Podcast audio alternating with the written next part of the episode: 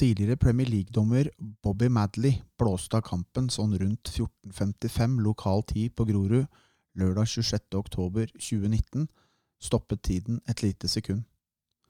Grorud var i Obos-ligaen. Drømmen var blitt virkelighet.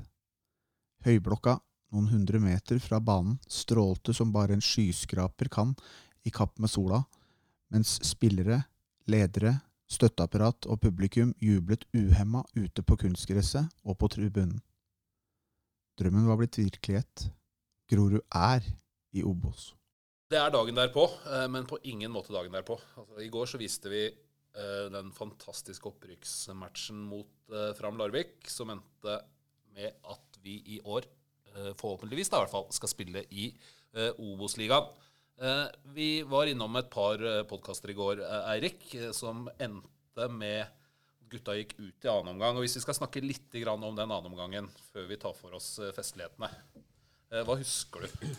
Jeg husker den starta egentlig som som han slutta. At, uh, at, vi fikk ikke helt til spillet vårt, og vi var litt uh, redde for å tape uh, ennå. Og, og, Fram var, uh, var helt med i kampen. Egentlig så var de De skapte egentlig mer enn det vi gjorde på stillinga 2-1 der. Vi var jo egentlig enige om i trenerteamet at vi skulle ikke vite noe som helst om den andre kampen der, men det var det bare drit i. For det Nesten hvert minutt så snur jeg meg mot Denny for å se om det har skjedd noe. Og så så vet vi at det er 1-1 i, i Elverum eh, Åsane, og hvis Fram skårer, så er det likt, og da går det. Men hvis, hvis Åsane leder, så ryker vi på 2-2, og, og Fram nærmer seg 2-2. Jeg husker jeg Denny kom sakte opp til meg og prikket meg på, på skuldra. Og, og, jeg snur meg, og han sier Åsane leder 2-1. Eh, da husker jeg bare jeg sa rolig tilbake Du gjør meg kvalm. og så snudde jeg meg tilbake og så på kampen her, og da var jeg da, da, kjente jeg det. Da var jeg nervøs. Da, da, da, hadde jeg ikke så mye jeg kunne gjøre, egentlig. Det var vanskelig å kontrollere kampen der, og vi ble pressa og egentlig bare håpte egentlig bare at vi skulle få kontroll på det, at noe skulle skje der. Og da klart at når, eh, når Elias slår den corneren og Aga stiger opp og det blir 3-1, da føler jeg på en måte at det var en ekstremt viktig skåring, fordi de kunne bikka begge veier. Og at vi har kvaliteten til å skåre 3-1 det, det, målet der, det, det var massivt. Korsing i verdensklasse, da. Eh, to innbyttere setter 3-1-målet. Det, det, er så jevnt i hele stallen. her. Det var liksom, det, sånn var det gjennom hele sesongen at uh, innbyttere kom innpå og ble avgjørende. og det, Den kulturen der og den, den jevne, breie stallen tror jeg det, det, så man gjennom hele sesongen. Det, det, tror jeg kanskje var det viktigste vi, vi hadde i fjor. Var det 3-1-målet som gjorde at eh, du fikk roen også, eller Gerald? Nei, jeg er jo en rolig, rolig type uansett, så jeg var jo ikke så stressa før det heller. Eh, jeg var jo ganske sikker på at dette kom til å gå veien. og Jeg stoler på medspillerne mine, og eh, det der ordna vi. Eh, og det var jo bare eh, Ja, det var bare gøy å skåre det 3-1-målet. Og vi fikk en eh, De sekundene etter at han eh, etter at Oskar setter den, den headinga der, og vi springer ned mot stappfull Grorud stadion. Og det var fullt med folk, og vi klarte å feire litt sammen med dem. Og folk som satt på benken, kom springende ned dit. Og vi hadde Rikard Pedersen som sto der og passa på at ingen sprang inn på banen. Og egentlig det var ingen som brydde seg om hva han hadde å si akkurat da. Eh, den følelsen når du står der sammen med gutta du eh, blir lei av i, i hverdagen, og du ser dem egentlig altfor mye. Men den følelsen når du står der, og alle eh, Ja, det detter litt inn, ja. Synker litt inn. Helt ubeskrivelig følelse. Og til alle lag som nesten har rykka opp tidligere dere, kan, dere kommer alle til å oppleve akkurat det der, sånn som vi gjorde. Og Glenn, du og jeg som fortsatt hang borte ved spikerplassen. Uh, jeg fikk ikke roa på 3-1. Hvordan var det med deg? Nei, det gjorde ikke jeg heller. Uh, jeg var jo jeg sto ganske nærme dere. Eh, og jeg så jo på hele denne spiker, eh, spikerbordet at der var, der var det nerver. Og du hadde jo TV2 over hele deg ganske lenge. Så nei, jeg Nei, det var, det var, magisk faktisk å få inn uh, 3-1. Men samtidig så fant jeg ikke, jeg fant ikke roen. Vi veit jo at det er en del som så matchen nå, når vi viste den igjen. og det kommer ganske tydelig fram da vi tar ledelsen 4-1. Eh, at når jeg skal annonsere det, så aner jeg ikke hva stillinga er. Eh, og det tror jeg er første gangen. Eh, og jeg har vært spiker på en del kamper etter hvert, men jeg har ingen peiling på eh, hva stillinga er. Jeg er ganske sikker på at det er Oskar som har scora. Eh, det er det jo ikke. Eh, det var Thierry. Eh, og jeg gikk inn i en sånn eh, komatilstand, Eirik. Eh, og hvis man ser deg på filmen også, så ser det ut som du også er litt, sånn litt ute av deg sjæl-opplevelse. For helt ærlig så husker jeg ikke så mye egentlig hvordan, det, hvordan den følelsen her var. Men jeg husker 4-1 da Da var jeg helt sikker på at nå, nå har vi klart det. Det, går, det er som du sier, man blir litt sånn Man blir litt satt ut. Man, man blir glad, man klarer ikke helt å skjønne hva som skjer. og Du ser jo at uh, du er jo helt fra deg, og, og Rikard begynner å grine. og alle spillerne løper rundt der og jubler. og Det er klart det, det kan ikke beskrives. Det må, det må bare Du må bare kjenne på det. Eh, Glenn, eh, vi som etter hvert kjenner eh, Eirik godt, vet at jinxing det er noe han er greit opptatt av. Og eh, Det er ikke så mange som har hørt historien, kanskje, men eh, onsdagen da, før denne kampen på lørdag så kom eh, Norges Fotballforbund her og leverte pokalen til vinnende lag. Denne skulle jo være tilgjengelig utdeling ute på banen hvis vi skulle vinne. Eh, den var da smugla ut i, i spikerboden eh, og sto der under noe søppel eh, for at den ikke skulle være synlig. Hvor sannsynlig er det at jeg hadde fått skylda for at Grorud ikke hadde rykka opp hvis, hvis Eirik hadde visst historien? Ja, du hadde fått huden full da, altså. Det ble, det ble veldig spesielt. Trace tok med seg laget bort til tribunen og kjørte Grorudgutt-ropet utallige ganger sammen med publikum.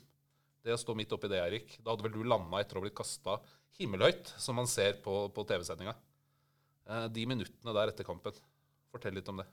Nei, de er vel egentlig ganske like. Det er, eh, det er vanskelig å huske sånn minutt for minutt hva som skjedde. Egentlig bare det var konstant en, eh, en deilig følelse, og det var hele tida nye folk som man klemte og man jubla med, og det, det skjedde ting hele veien. Og det var egentlig bare å, å være i ekstase over, over lang tid, og ikke, ikke ane og ikke bry seg om hva som er neste steg. Altså, hva skjer videre, det, det var ikke viktig. La oss snakke litt om Knut. Altså, eh, vi snakka om nervene som eh, lå på utsiden av alle, kanskje gjennom uka, spesielt eh, på kampdagen. Knut fikk jo los eh, på eh, når vi leda 2-1, eh, og Åsane tok ledelsen 2-1. Da var det et rømningsforsøk her. Jo, Knut, det gjør han jo hver kamp vi leder. sa Så han har jo han har gått glipp av veldig mye kult på, på stadion her. Når vi leder mot Åsane, så Nei, når vi lå under mot Åsane, så gikk han jo inn i, inn i garderoben og gjemte hodet i tørketrommelen. Knut er jo materialforvalter på n-te året. Han har vært med eh, siden farve-TV kom omtrent. Eh, Da eh, Knut fikk nervene, så stakk han. For de som er kj- lokalkjent på Grorud, så forsvant han bortover Trondheimsveien og passerte Sivilforsvaret. Det er ganske langt retning Stovner. Så hører han da eh, den jinglen vi spiller når vi scorer mål, og skjønner da at det har blitt 3-1 og, og snudd igjen. Så han fikk heldigvis med seg med seg slutten. Men eh, et eh, rømningsforsøk eh, fra Knut der. Hva betyr en type som Knut eh, for garderoben og for et lag, Gerhard? Nei, Knut, det, det er jo bare en, en fyr man må møte. Han kommer inn og sprer glede, og jeg tror alle som er i garderoben, føler at de kjenner Knut. En annen som eh, har betydd utrolig mye for dette opprykket, var en kar som Han gikk vel konstant rundt og grein, i hvert fall i to timer fra eh, Oskar satte 3-1-målet. Eh, Rikard Pedersen, som sitter i bakgrunnen her og, og hører på. Eh, så han får ikke, får ikke sagt så mye. Hva betyr Rikard eh, for dette opprykket, Glenn? Han sitter i godstolen sin og prater liksom om eh, Åh, det bli godt, gutter, å rykke opp til Obos, hæ? Og litt uh, større stadion og ditten og datten. Nei, jeg vet ikke. Uh, Og treningsleir til Miami. ja, ja, blant annet. Ja. Ja. Det Det, det lovte jo Richard, den treningsturen til, eh, til Miami. Ambisjonene til Richard, da, det sier liksom Det sier veldig mye. Han er veldig klar på at han skulle opp, og det smitta jo ganske greit til oss også, egentlig. Så vi Ja. Vi, vi var på samme bølgelengde der. Det kan man si. Rikard har jo leda, leda vei her lenge før, eh, før dere og lenge før jeg kom inn, så eh, i en tid hvor vi var bøler, da, ingen trodde på at det var mulig å få til noe i Grorud, og det ble sagt mange ganger at det er ikke mulig å få til noe her, så har jo han rydda vei og, og fått inn folk og, og jobba og få dette her i ja, nesten lenger enn en vi har levd. At han endelig fikk oppleve det opprykket der, det, det ser man at det, det betydde mye for han, og det, det er fullt fortjent. Definitivt. Så er det viktig. Grorud er jo, det er jo ikke en stor klubb. Det er jo ikke, her er det vel 20 skritt fra garderoben vår og opp til kontoret til Richard. Og det, du føler at du er veldig velkommen når du kommer. Og jeg husker bare de første Når jeg kom hit og var ny i, i både en stor by første gang jeg flytta hjemmefra, så var det veldig godt å komme hit. da. Du hadde, ene var jo garderoben. at det var, Du ble god venn med alle der med en gang. Men også Richard som kommer og spør om det går bra, og er med og, ja, og gjør rett og slett hverdagen til alle oss spillerne veldig mye bedre. da. Og så endte vi opp i garderoben. Eh, og jeg har blitt fortalt etterpå at vi holdt på der inne i drøyt to timer. Eh, hvis dere hadde sagt til meg at det var fem minutter, så hadde jeg trodd på det også. Eh, prøv å gjenskape det litt, Glenn. Åh, jeg husker, eh, jeg husker eh, underveis under kampen så var jeg sånn her Fy faen, nå trenger jeg en pils for å roe ned nervene. Eh, vi vant. Vi, vi hadde rykka opp. Så var det sånn her OK, nå må vi bli ferdig med å poppe champagnen og sprute den på egentlig alle, i hvert fall kjønnet. Uh, så var det egentlig bare å komme seg rett inn i garderoben. Og jeg husker folk bare storma inn. ass. Alle var klar. Preben, i hvert fall, var klar til å ta seg en pils og, og kose seg. Og hva var det Will Griggs-sangen den gikk vel kanskje 40-50 ganger, tror jeg. Hvis vi var der inne i to timer, så var det vel 1 time og 50 minutter den var den siste tida We Are The Champions. Jeg husker jeg la meg og hørte fortsatt den sangen i huet. Det var, det var veldig spesielt. Og ja, alle rundt, eh, rundt i klubben eh, eh, ble invitert inn, og ja, det, var, det ble en skikkelig, skikkelig fest. Eh, det, er- det er 18-årsgrense på den, for å si det sånn. Eirik, minne for livet. Ja, det var Altså, de to timene i garderoben var det beste med hele opprykket. Eh, Det var bedre enn ute på byen, og det var bedre enn ute på banen her, og det var, det var helt magisk. Da, da var alle så happy, og, og vi jubla Ja, det var, det var så magisk stemning. Jeg husker jeg kom inn litt seint, for jeg prata med, med media og kom inn, så jeg tror ikke det var én som hadde på seg klær igjen, nesten. Var, alle var i bokseren, og det var øl overalt, og det var eh, Det var masse øl eh, overraskende nok, og vi, vi drakk litt og kasta det meste rundt oss, og helte jo øl over hele gulvet. Og oppfordra én etter én til å ta av seg og, og skli på gulvet bortover. Det var, eh, det var folk man vanligvis ikke ser uten klær. Det var Frode. Det var Danny. Det var Knut som brakk ribbeinet idet han sklei på gulvet der. Det var, eh, det var stor stemning. Vetle som hadde tæsja et eh, Obos-flagg og tok meg inn i garderoben. og Vi sang Obos-sanger, og det var Nei, det, var, det, var også, det er også sånn ubeskrivelig du bare, du bare må oppleve. Jeg husker Geirald kom bort til meg han bare, han bare Glenn, jeg vil ikke at den følelsen jeg skal gå bort. Jeg vil ikke at den dagen jeg skal bli ferdig, kan det være sånn her for alltid, egentlig.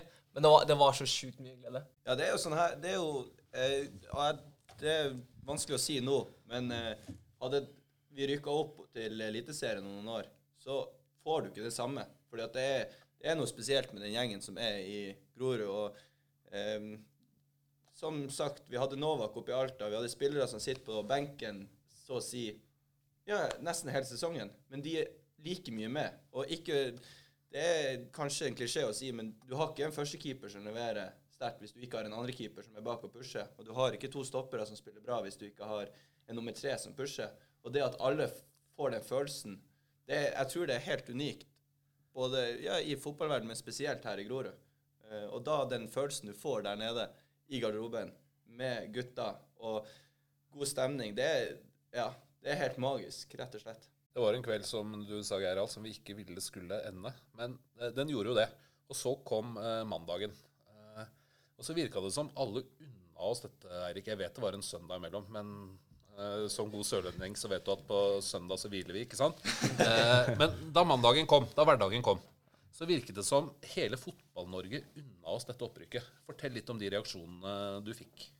Altså, det var jo masse, egentlig helt fra, fra kampslutt og til, til mandagen, som du sier, da, så var det helt vanvittig mange som, som sendte gratulasjoner og ringte og meldinger og Twitter og overalt. og eh, Første gang jeg har følt meg som en kjendis hvor du bare kan scrolle telefonen, og det, det tar liksom aldri slutt da, med, med meldinger. og det, det er kult, og da, da føler du at du har eh, oppnådd noe i, i tillegg, da, når så mange bryr seg om det. Så jeg husker jeg sa til Rikard at jeg var jo veldig sliten selvfølgelig etter uh, både festen, men etter en lang sesong med, mye jobb. og hadde egentlig avtalt at jeg skulle ha i hvert fall fri i to dager eh, for å, for å hente meg inn der. Men når allerede mandag klokka åtte så, så møtte jeg opp her og, og var på radioen. og klart Det var jo mye media. Det var mye snakk om lille klubben oppe i, i Groland som hadde rykket opp til Obos-ligaen. og det, det, viser at vi har oppnådd uh, noe stort.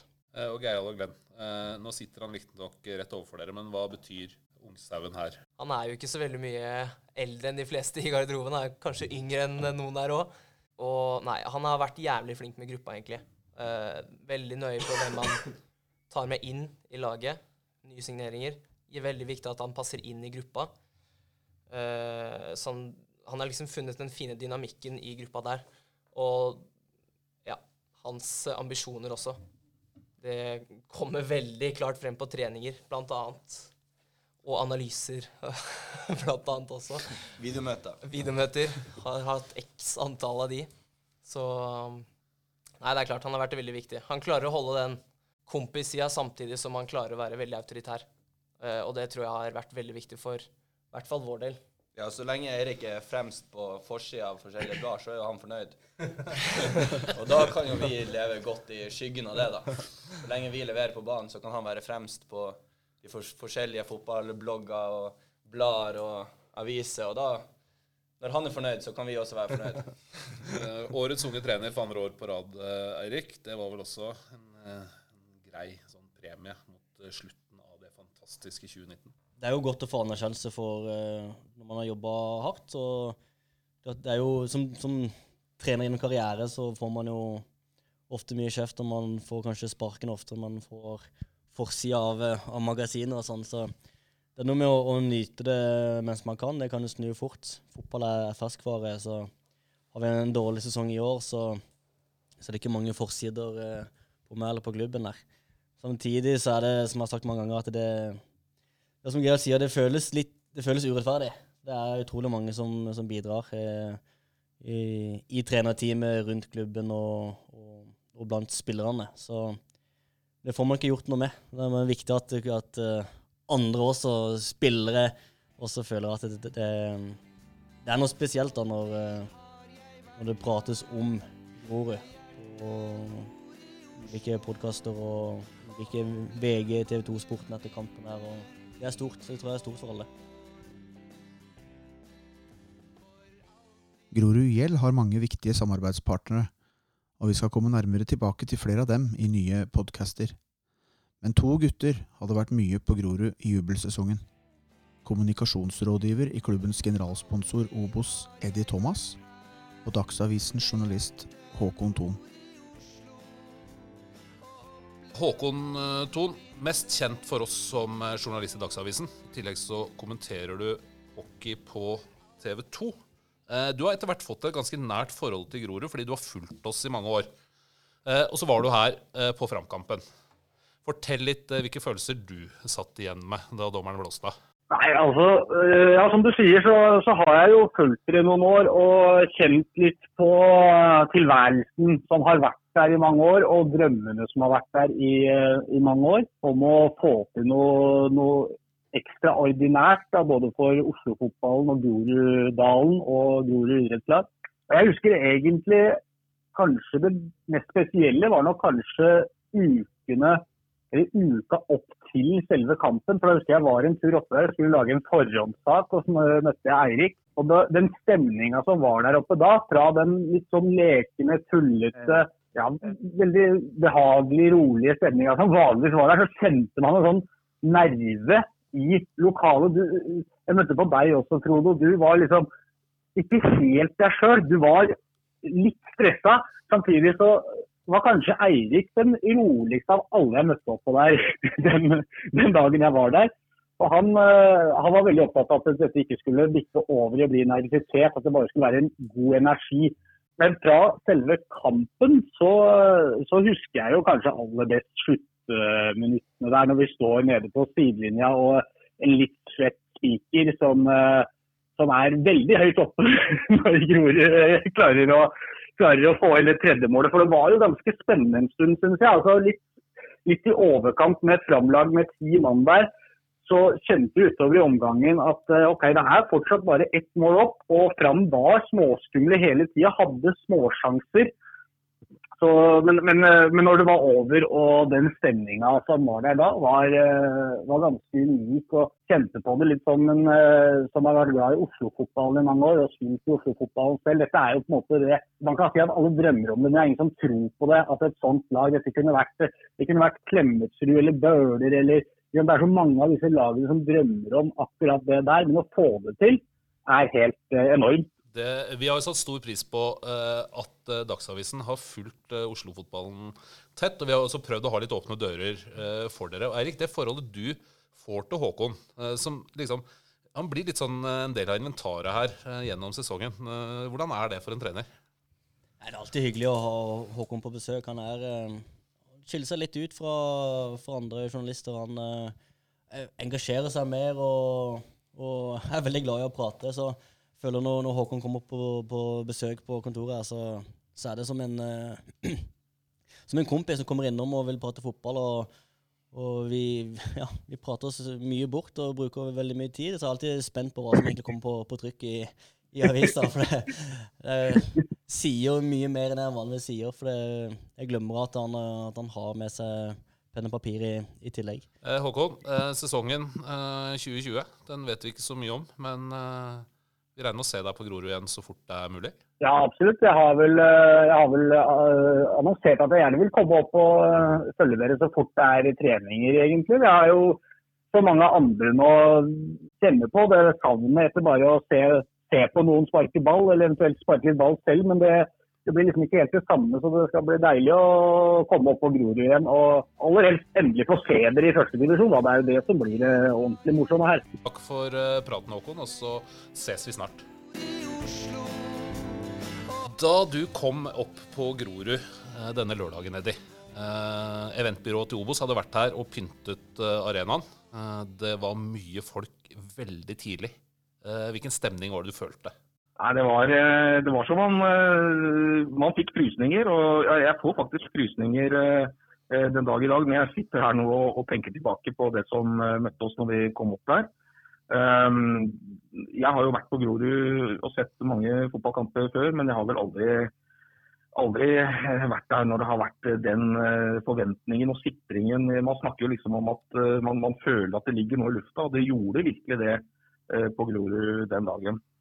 Um, utrolig eh, moro å se da, hvilket potensial også som ligger i, i Grorud. Ja, jeg syns det var fantastisk å komme opp og se alle de folka og, og oppleve den gode stemningen som var der. 15 seire, 6 uavgjort og 5 tap ble fasiten på opprykkssesongen. Spenning helt til slutt. Og at fotball blir lagt merke til i vårt langstrakte land, er det ingen tvil om vi lar Geirald avslutte denne podkasten med sin historie fra hjembyen Tromsø noen uker etter opprykket.